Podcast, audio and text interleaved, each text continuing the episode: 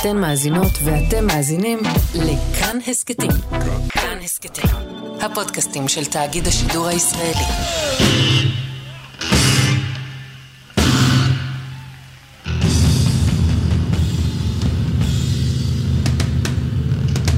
I'm the lizard king.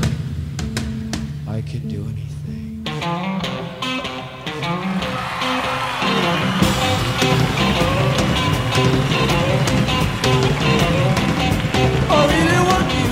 בנובמבר 1967, אימא של ג'ים מוריסון לקחה את אחיו הצעיר להופעה של הדורס בוושינגטון. מוריסון נתן הוראה לצוות של הלהקה להרחיק אותם ממנו ולא לאפשר להם להיכנס אל מאחורי הקלעים. לא היה לו שום עניין להיפגש איתם. אמא של מוריסון לא הצליחה לדבר איתו, אבל היא צפתה בהופעה מהשורה הראשונה. על פי עדויות, כשהדורס ביצעו את The End, מוריסון הביט לתוך העיניים שלה בדיוק ברגע שהגיע הטקס האדיפלי וההכרזה שהוא רוצה לשכב איתה. היא חזרה הביתה בדמעות. זו הייתה הפעם האחרונה שהם התראו.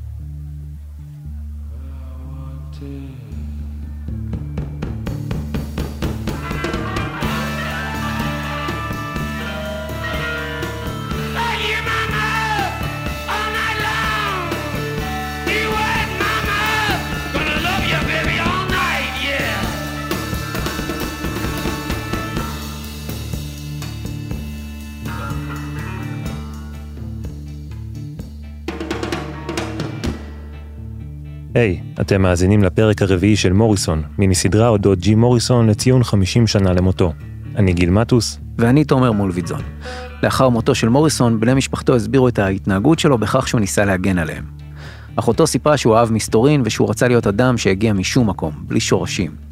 היא ואביו של מוריסון טענו שהוא בעיקר לא רצה שהתקשורת תציק להם, ושהצרות והכאוס שהוא משאיר אחריו יחתימו אותם. ובאותו הזמן, הצהרות שלו העבירו הילוך. בדצמבר 1967, הדורס היו אחת הלהקות החמות בסביבה, ומוריסון סומן כתשובה האמריקאית למיק ג'אגר. ההצלחה הגיעה ברגע, והפוקוס היה בעיקר עליו. כולם רצו חתיכה ממנו. כולם רצו את ג'ים הפרוע והלא צפוי, והוא נכנע לאלטר אגו והלך עם זה רחוק.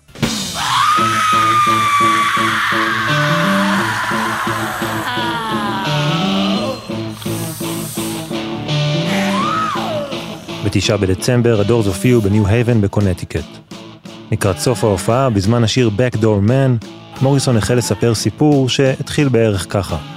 תנו לי לספר לכם מה קרה לי מאחורי הקלעים, עם אלו שהסיסמה שלהם היא להגן ולשרת. איש כחול קטן, בכובע כחול קטן, כמו חזיר כחול קטן, ניגש אליי. האיש הכחול של מוריסון היה השוטר שאבטח את המקום. הוא לא זיהה את מוריסון וחשב שתפס שני מעריצים מאחורי הקלעים. הוא מצא אותו עם בחורה במלתחות ודרש שיתפנו. מוריסון אמר לו איתת, שזה בתרגום חופשי ובוטה תאכל תחת. השוטר שלף גז מדמיע ואמר אני נותן לך הזדמנות אחרונה ללכת. על כך מוריסון ענה, אני נותן לך הזדמנות אחרונה לאכול תחת. אתם יכולים לדמיין את תגובת השוטר. בשלב הזה כבר הגיעו אנשי צוות שהסבירו לשוטר שהאיש שמשפשף את עיניו, דומע ונאנק מכאבים, הוא בדיוק האיש שהוא אמור לאבטח. השוטר התנצל בפניו והסביר שהוא לא זיהה אותו, אבל זה רק עצבן את מוריסון עוד יותר. מוריסון לא רצה הנחת סלב, הוא רצה שהשוטרים יתנהגו באופן שווה לכולם. אחרי שהוא התאושש מהתקרית, ההופעה בניו אייבן התחילה באיחור. הקהל היה חסר סבלנות ואיתו גם המשטרה. על פי עדות שאושרה על ידי הגיטריסט רובי קריגר, היה די ברור שהמשטרה חיפשה תירוץ לפוצץ את האירוע ומוריסון סיפק לה אותו. הוא עלה לבמה זועם. כשהוא הסביר לקהל מה קרה מאחורי הקלעים, כל השוטרים בקהל הסתובבו לכיוון הבמה אחרי שהוא אמר, אני בדיוק כמוכם, אם הם עשו את זה לי, הם יעשו את זה גם לכם. האורות באולם נדלקו. שני שוטרים זינקו לבמה. אחד מהם תלש למוריסון את המיקרופון מהיד, שנייה אחרי שמוריסון הציע לו את המיקרופון ואמר, הנה ההזדמנות שלך להגיד מה שתרצה. השוטר השני אחז בחוזקה ביד של מוריסון. הם החליטו לעצור את ההופעה ולעצור את מוריסון, על הבמה מול כל הקהל. מוריסון היה מופתע אך משועשע. הוא הפנה אל השוטר מבט מעוות ומגחך כשלפתע שוטר שלישי הגיע.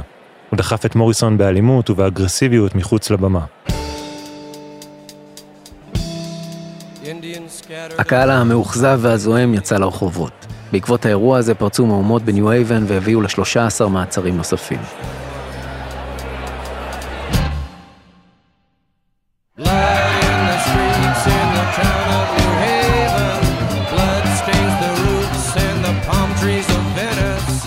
מוריסון הואשם בהסתה להתפרעות ובהתנהגות גסה ושוחרר בערבות.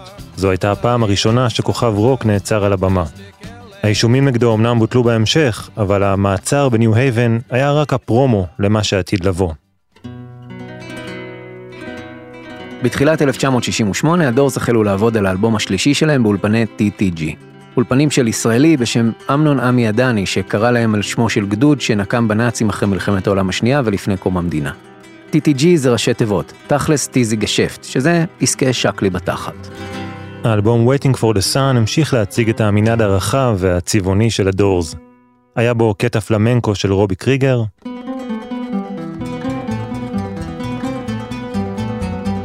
לצד רוק חשמלי ובועט,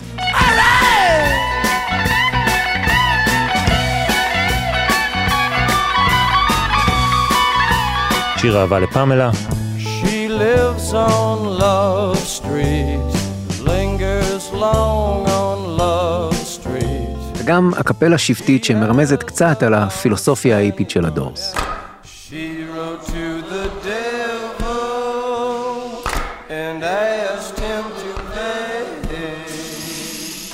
רוב התנועה ההיפית עסקה בחזרה לשורשים, חיים בקומונות באמצעות קהילה חקלאית שמקיימת את עצמה.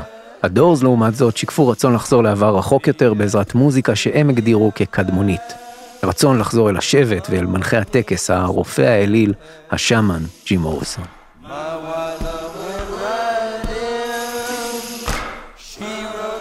The sea. והיה באלבום גם שיר ביקורתי על האופן שבו התקשורת האמריקאית הציגה לציבור את מלחמת וייטנאם. Breakfast where the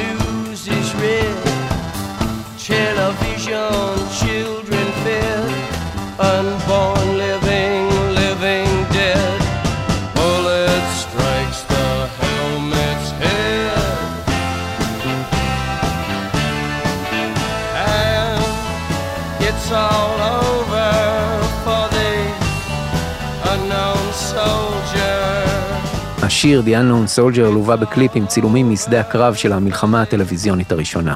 בהופעות הדורס היו חותמים את ההדרן עם השיר הזה בעוד רגע תיאטרלי. מוריסון היה נעמד במקום וקריגר היה מכוון אליו את הגיטרה כמו נשק, ואז הוא ניגן אקורד אחד חזק שנשמע כמו ירייה. מוריסון זרק את עצמו לרצפת הבמה כמי שהוצא להורג. הוא המשיך לשיר משם עד שזינק עם המילים האחרונות של השיר. המלחמה נגמרה.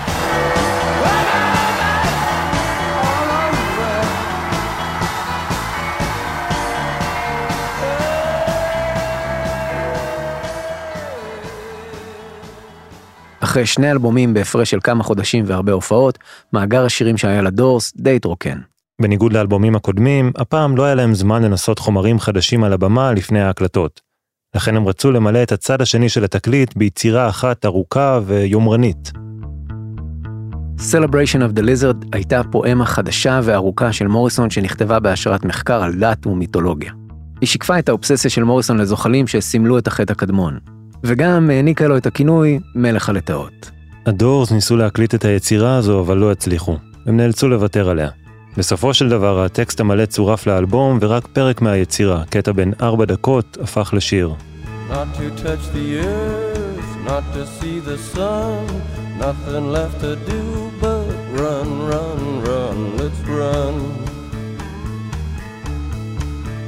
Let's run. בסיומו של השיר Not to Touch the Earth, מגיחה ההצהרה המפורסמת של מוריסון. הצהרה שמחזקת את המיתוס ומתרצת כל אקט שהוא עשה בחייו הקצרים.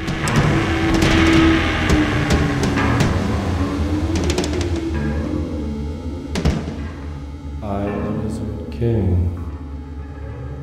I can do anything. העבודה על האלבום הייתה קשה ומתישה.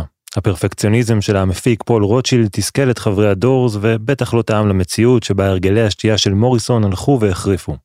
באחד הימים המתופף ג'ון דנסמור נטש את האולפן מרוב שהיה מתוסכל מההתנהגות של מוריסון. ריי מנזרק כתב באוטוביוגרפיה שלו שהיו שני מוריסונים. היה את ג'ים מוריסון המשורר, האינדיאני, ג'ים שהוא אהב והכיר. והיה את ג'ימבו מוריסון, גבר מרושע, מיואש, מחוספס וגס רוח. אדם שחיפש שליטה וכוח. דוקטור ג'קל ומיסטר הייד, המפלצת של פרנקנשטיין, הגולם ההרסני. מוריסון היה בצומת דרכים, וג'ימבו ניצח. five to one, baby, one in five. No one here gets out alive now. באחד מימי ההקלטות של האלבום, מוריסון הגיע לאולפן גמור. זה היה ערב הקלטות שירה, והוא היה אמור לשיר כמה בלדות. לא אתגר גדול למישהו כמו ג'ים, אבל אתגר גדול לג'ימבו. ג'ימבו לא רצה לשיר את השירים האלה והחליט ללכת על 5 to 1. פול רוטשילד המפיק הבין שמוריסון מסטול ושיכור, אבל זרם איתו. אם אתה מרגיש כל כך טוב, תעשה את זה ותן לי טייק טוב. ג'ימבו לקח כמה כדורים, הוריד אותם עם שלוק וויסקי ונכנס להקליט. בזמן שהוא התארגן וביקש עוד אקו באוזניות, רוטשילד אמר לטכנאי ההקלטות, ברוס בוטניק, שיתקשר לפרמדיקים. שלא יציין שמות, אלא שרק יכין אותם להגיע עם האמבולנס בשנייה שמוריסון התרסק על הרצפה. הם היו בטוחים שהוא הולך להתמוטט בתוך כמה דקות. איכשהו ג'ימבו הצליח לשיר את 5 to 1. Your ballroom days are over, baby. Night is drawing near. Shadows of the evening crawl across זה לא היה ביצוע מושלם, אבל הוא היה כל כך נלהב שזה הטייק שנכנס לאלבום. מוריסון המשיך לשתות, ואפילו הצליח לא להתמוטט באותו הערב. המזל היה בצד שלו, לפחות בינתיים.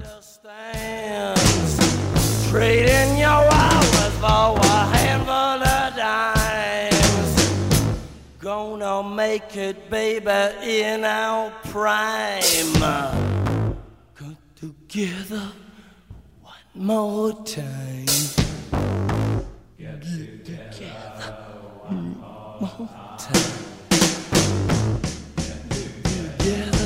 האלבום Waiting for the Sun ראה אור בשלושה ביולי 1968, בדיוק שלוש שנים לפני מותו של מוריסון. עבור רבים זה נחשב לאחד האלבומים החלשים בקטלוג של הדורס. ועדיין מדובר באלבום היחיד של הלהקה שהגיע למקום הראשון במצעדים. בעיקר בזכות אחד השירים היחידים שמוריסון כתב לפני שהפך לג'ימבו. Hello I Love You, השיר שהדורס הקליטו לראשונה כבר ב-65, כבש את המקום הראשון. ייתכן וההצלחה שלו קשורה לעובדה שהוא קצת דמה ללהיט של הקינגס משנת 1964. I'm not content to be with you in the daytime. אגב, הסינגל Hello I Love You חלק את ההצלחה בטופ 5 של מצעד הבילבורד עם הגרסה של חוזה פליסיאנו ל-Light My Fire. הדורס היו בשיא ההצלחה כשמוריסון הטיל פצצה. הוא רוצה לעזוב את הלהקה.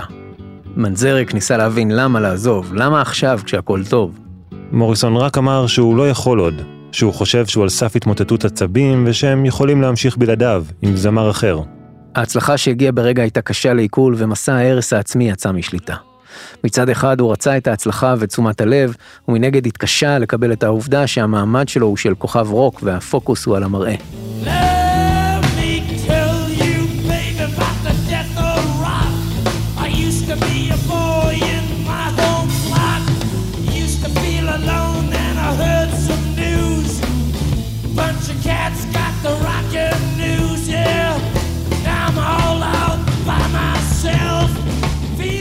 מוריסון החליט כבר אז, בשלב מוקדם, שהרוק עתיד להתנפח ולהתפוצץ. אפשר לשמוע את זה בהקלטת אולפן בת שעה שראתה אור רק בסוף שנות ה-90 תחת השם "הרוק מת". Rock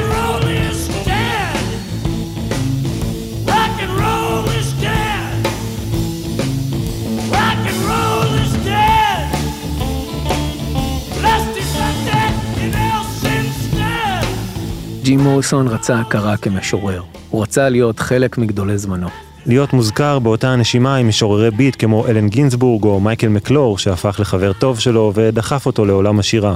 הוא רצה להוציא ספרי שירה, הוא כתב תסריט ורצה להפוך אותו לסרט, אבל המוזיקה והתהילה רק הפריעו לו. ההצלחה הרחיקה את הדורס מהחזון המקורי לצאת למסע מוזיקלי מאתגר ולשלב שירה עם ג'אז, רוק, מופע תיאטרלי. מוריסון רצה להתרחק מהאלטר אגו ההרסני שלו, מפלצת תשומת הלב שניזונה מפרובוקציות ואלכוהול. יכול להיות שאם הוא היה באמת קם והולך, הוא היה מצליח להיזכר באיש ג'י מוריסון, האיש שכולם אהבו ותיארו בתחילת דרכו כאדם אדיב וטוב לב, שאהב ללכת קצת רחוק מדי עם הבדיחות שלו. אבל הדמות הלכה וגדלה, וכולם רצו חתיכה ממנה. הוא היה כלוא ומתוסכל. ובתסכול הזה ג'ים הלך לישון, וג'ימבו התחיל לשלוט בו.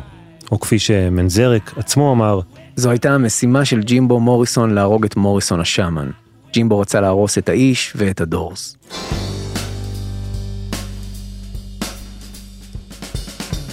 אבל אלו דברים שמנזרק הבין רק בדיעבד. בזמן אמת הוא לא ויתר, הוא לא רצה זמר אחר. כמו כולם, הוא הבין שבלי מוריסון אין דורס, והוא הצליח לשכנע אותו לתת להם עוד חצי שנה. Like you. There will never be another one who can do the things you do. Oh, will you give another chance? Will you try a little try? Please stop and you remember we. בספטמבר 68 הדורס טסו לראשונה לסיבוב הופעות באירופה יחד עם ג'פרסון איירפליין. זה קרה אחרי שנה של הופעות ברחבי ארצות הברית שנגמרו במהומות בכל פעם שמוריסון דחף את הקהל לטירוף. ההופעות הראשונות בלונדון היו מצוינות, ומוריסון החזיק את הקהל וסחף אותו כמו שרק הוא יודע. אבל כמה ימים אחרי, ג'ימבו שוב חזר. בהופעה באמסטרדם, הוא היה מחוק. הבעיה של מוריסון לא הייתה סמים.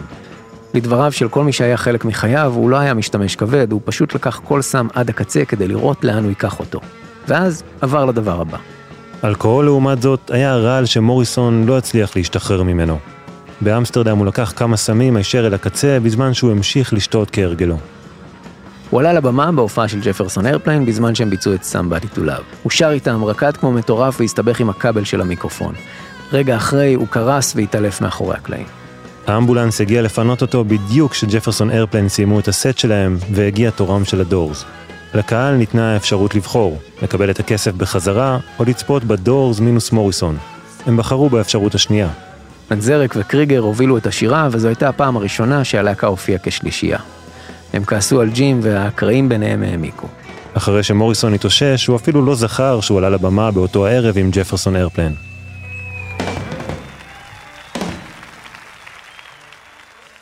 כשהלהקה חזרה מסיבוב ההופעות בסוף שנת 68, היא נכנסה לאולפן ההקלטות כדי לעבוד על האלבום הרביעי, The Soft Parade. בשלב הזה למוריסון לא היה שום עניין בלהקה או בחומרים חדשים. מנזרק כאמור שכנע אותו להישאר, והסיכום ביניהם היה שאחרי האלבום הבא הוא ישקול מחדש.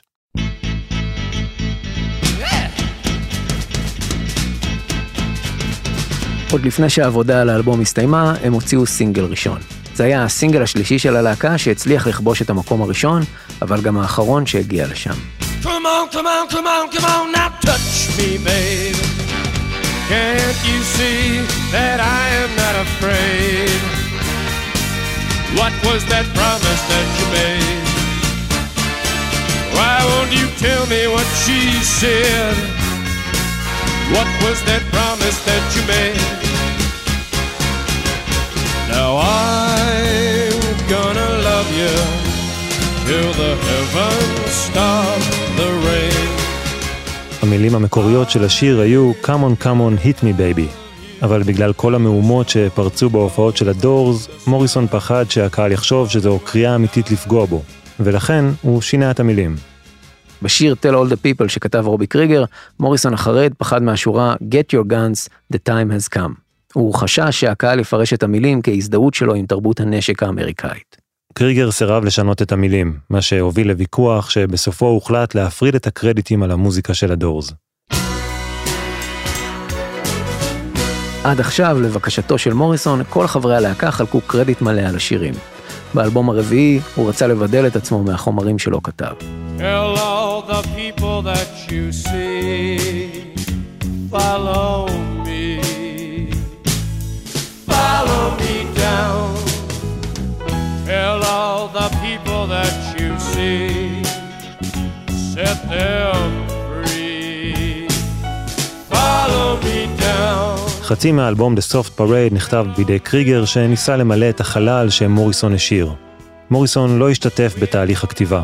רוב הזמן הוא נעדר מההקלטות והשקיע את האנרגיה שלו בכתיבת שירה ותסריט. ההפקה של האלבום שיקפה שינוי מהותי בסאונד של הלהקה. השיר Tell All the People קרוב יותר לחומרים של פרנק סינטרה שמוריסון העריץ מאשר חומרים של הדורס.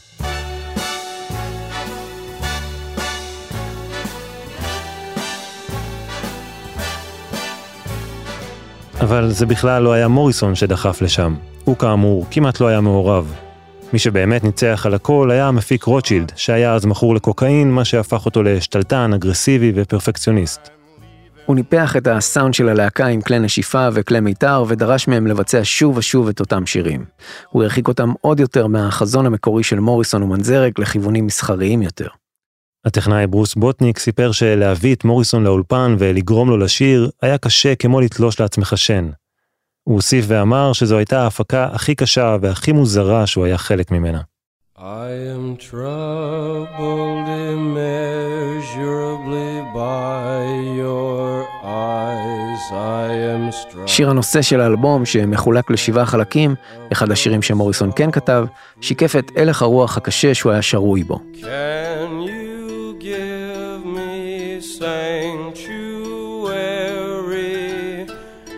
I must find a place to hide, a place for me to hide. ג'ים מוריסון ניסה לנצח את ג'ימבו, אבל המיתוס שהוא יצר השתלט על המציאות, והוא בעצמו כבר לא ידע איפה עובר הגבול. ג'ימבו המשיך להשתלט. Asylum? I can't make it anymore. The man is at the door. ההקלטות של האלבום הלכו והתארכו. העלויות של ההקלטות הגיעו לכ-80 אלף דולר, האלבום היקר ביותר של הלהקה. לשם ההשוואה, העלות של האלבום הראשון הייתה רק 10,000 דולר, הוא הכניס הרבה יותר כסף. The Soft Parade נחשב היום לאלבום חשוב בהתפתחות הפיוז'ן בין רוק לג'אז. שילוב שהתחיל עוד לפני הדורס, אבל בזמן אמת חטף ביקורות קשות מכל הכיוונים. במהלך ההקלטות, המתחים בין חברי הלהקה גדלו, ומחוץ לאולפן התפתחה סאגה אחרת. הדורס קיבלו הצעה מפתה, למכור את השיר Light My Fire לשימוש בפרסומת לרכב ביואיק. Successful hills are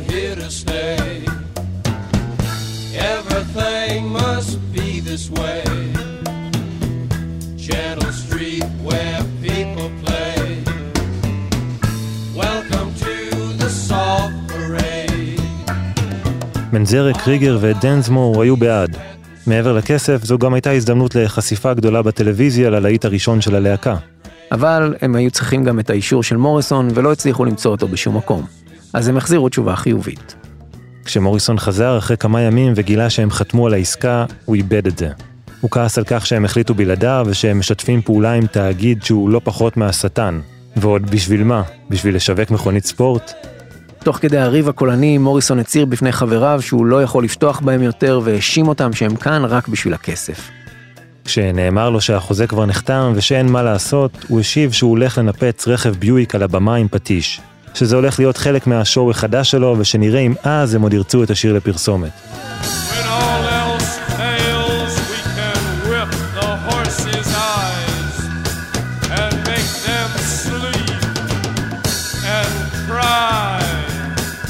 בסופו של דבר, חברת ביואיק חזרה בה.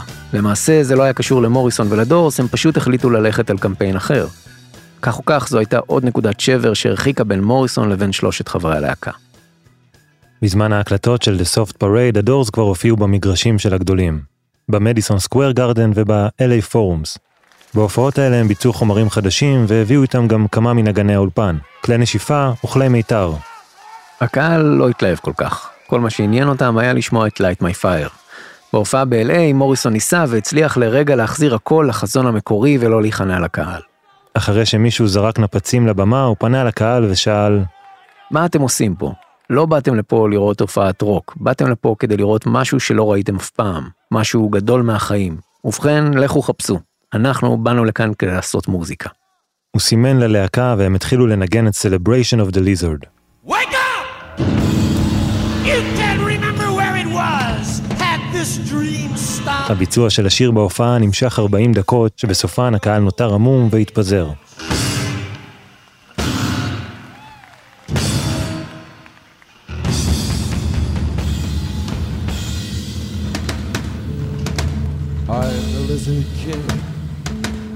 I can do הרגע הזה לא חזר על עצמו כי הקהל רצה שוב ושוב את השואו ולא את האומנות. והשואו היה מוריסון מתפרע ומאבד שליטה. ואם מוריסון הוא השואו, אז למה בעצם לא לקחת את זה צעד נוסף קדימה?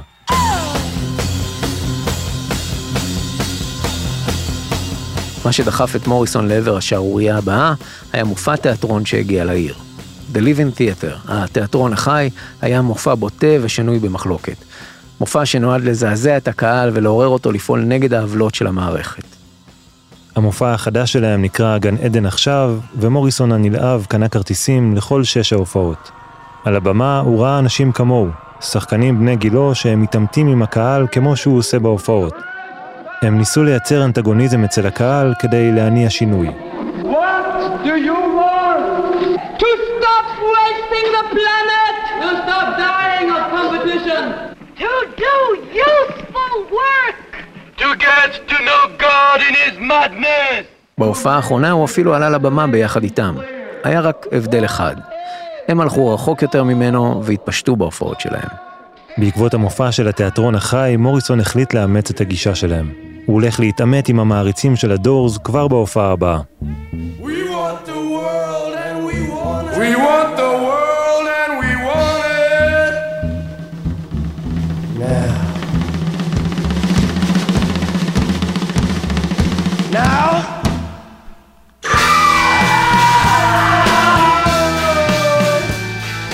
כ-12 אלף איש הגיעו להופעה של הדורס במיאמי ב-1 במרס 1969. הם הצטופפו באנגר ללא מיזוג וללא כיסאות. המפיק תלש את הכיסאות כדי להכניס 12 אלף איש למתחם שיועד ל-7,000 איש. הקהל היה עצבני וחסר מנוחה, ומזג האוויר היה חם ולח. ההופעה התעכבה כי מוריסון שתה כל היום ופספס את הטיסה למיאמי. הוא הגיע באיחור של שעה, המשיך לשתות עם העריצים ועלה לבמה שיכור. שיכור מדי כדי להופיע. מי שבאמת עלה לבמה היה ג'ימבו, ומה שקרה אחר כך היה מעין שחזור של מופע התיאטרון שהוא ראה. הדורס ניסו לנגן את השירים שלהם, אבל מוריסון לא הצליח לשיר באמת.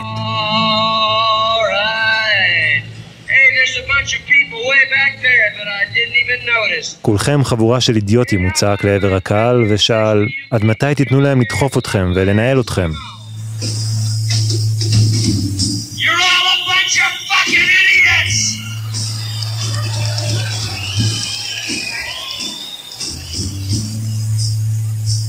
People tell you what you're gonna do! Letting people push you around! How long do you think it's gonna last? How long are you gonna let it go on? הוא התכוון לתנאים המחפירים של המופע בגלל החמדנות של המפיק. אולי אתם בכלל אוהבים את זה, הוא המשיך. אולי אתם אוהבים שהפנים שלכם בתוך חרא. Maybe you like it. Maybe you like being pushed around.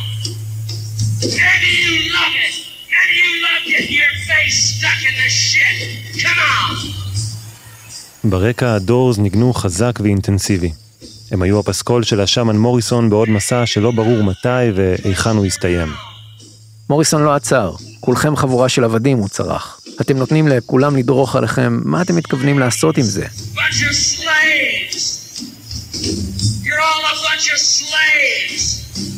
Letting everybody push you around. What are you gonna do about it? באותו רגע הקהל המהופנט רק רצה להתקרב עוד יותר אל מוריסון. ג'ימבו לקח כובע של שוטר שעמד לצד הבמה וזרק לקהל. ואז הוא סיפר על מופע התיאטרון שהוא ראה. חשבתי שהכל זה בדיחה אחת גדולה, אבל בלילות האחרונים ראיתי חבורה של אנשים שבאמת עושים משהו, שמנסים לשנות את העולם. וגם אני רוצה לשנות את העולם. Now listen, I used to think it was something to laugh about.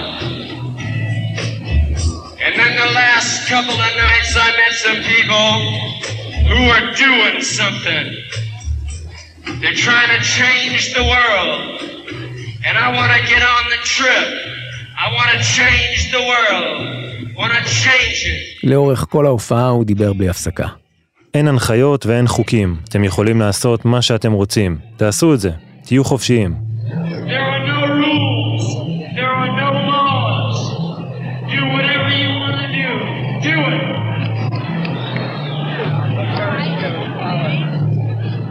הלהקה ניסתה לנגן עוד שירים, אבל זה כבר לא עניין את הקהל בשלב הזה. הם רצו עוד כאוס ועוד טירוף. כל זה בזמן שמוריסון הפציר בהם להיות חופשיים ולעשות מה שהם רוצים. מעריץ אחד זינק לבמה ושפך שמפניה על מוריסון שבתגובה התחיל להוריד את החולצה הרטובה שלו. מנזרק כבר הבין לאיפה כל זה הולך. מוריסון הולך להתפשט על הבמה. באוטוביוגרפיה שלו הוא מתאר את האירוע שלא תועד בהקלטה, אבל הפך מאז לאחד האירועים המפורסמים של שנות ה-60. מוריסון שאל את הקהל, היי, hey, מישהו רוצה לראות את איבר המין שלי? האם תעלו לפה לגעת בו? לפקודת מנזרק, אחד הסאונדמנים זינק לבמה וניסה לעצור את מוריסון. אבל ג'ים נאבק בו על הבמה והמשיך לעשות teasing לקהל. הוא אחז באיבר המין שלו כאילו הוא הולך להוציא אותו. אתם רוצים מחזה, לא? לא הגעתם בשביל להאזין למוזיקה, הגעתם לקרקס. ובכן, מה אני יכול לעשות? מה עוד אני יכול להראות לכם? הוא תלה את החולצה שלו על סטנד המיקרופון ככה שתסתיר את האגן שלו. מאחורי החולצה הוא שיחק עם כפתורי המכנסיים שלו ושאל את הקהל, מוכנים? הקהל שאג ומוריסון כמו מתדור מול שור זועם החל לנפנף בחולצה במהירות מראה ומסתיר, מראה ומסתיר. לא באמת היה מה לראות. לטענת מנזרק, הוא מעולם לא חשף כלום.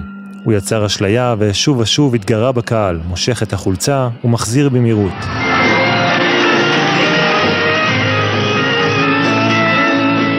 ג'ון דנסמור היה מבועת אבל המשיך להחזיק קצב. רובי קריגר הלבין והמשיך לנגן. ומנזרק דאג שג'ים ייעצר. אבל הם המשיכו לנגן והתחילו מהר את הלהיט הכי גדול שלהם בתקווה שג'ים יפסיק. אחרי השיר, מוריסון קרא לקהל לעלות על הבמה.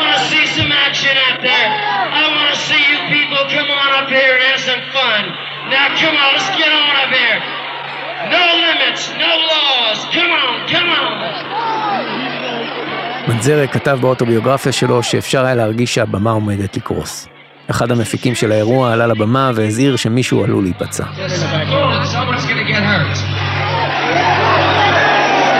אבל ההמונים החלו לטפס על הבמה לצלילי הכאוס של הלהקה, והשוטרים החלו לפנות אותם.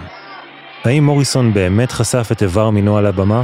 עד היום יש מי שטוענים שכן, מעריצים שהיו שם וראו אותו.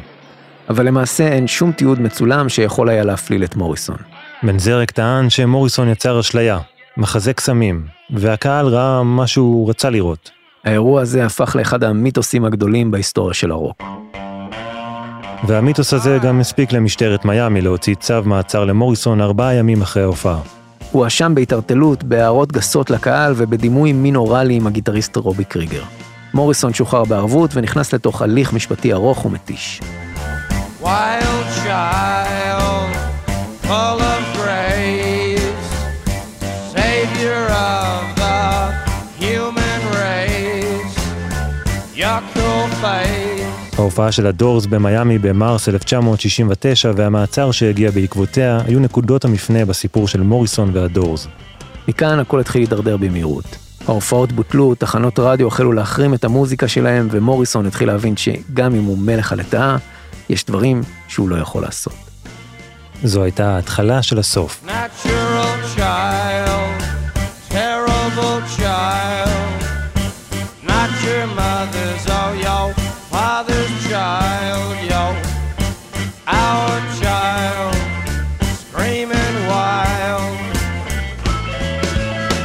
האזנתם לפרק הרביעי של מוריסון, מיני סדרה מבית כאן 88 הסכתים אודות ג'י מוריסון לציון 50 שנה למותו. פרקים נוספים וסדרות נוספות תוכלו למצוא באתר כאן 88 וביישומון כאן. אנחנו נמצאים גם בכל יישומוני ההסכתים. רשימת מקורות ניתן למצוא בעמוד ההסכת. את המיקס והסאונד של הפרק ערכה רחל רפאלי. תודה לנוגה קליין, סיוון טאטי, עופרי גופר, עופרי מאקו ועינב יעקבי. תודה מיוחדת גם למוזיקאי וחוקר התרבות ירון בן עמי. אני גיל מטוס. ואני תומר מולביטזון. בואו להגיד שלום בקבוצת כאן הסכתים בפייסבוק.